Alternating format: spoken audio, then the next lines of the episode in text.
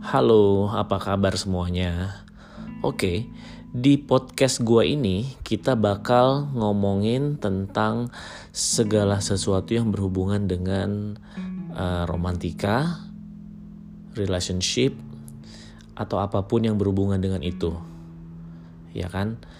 Dan kadang-kadang sih hal tersebut uh, kepikiran pada saat kita lagi sendirian, pada saat kita menjelang tidur, atau bahkan mungkin bisa jadi pada saat bangun tidur dan macam-macam dan lain-lainnya.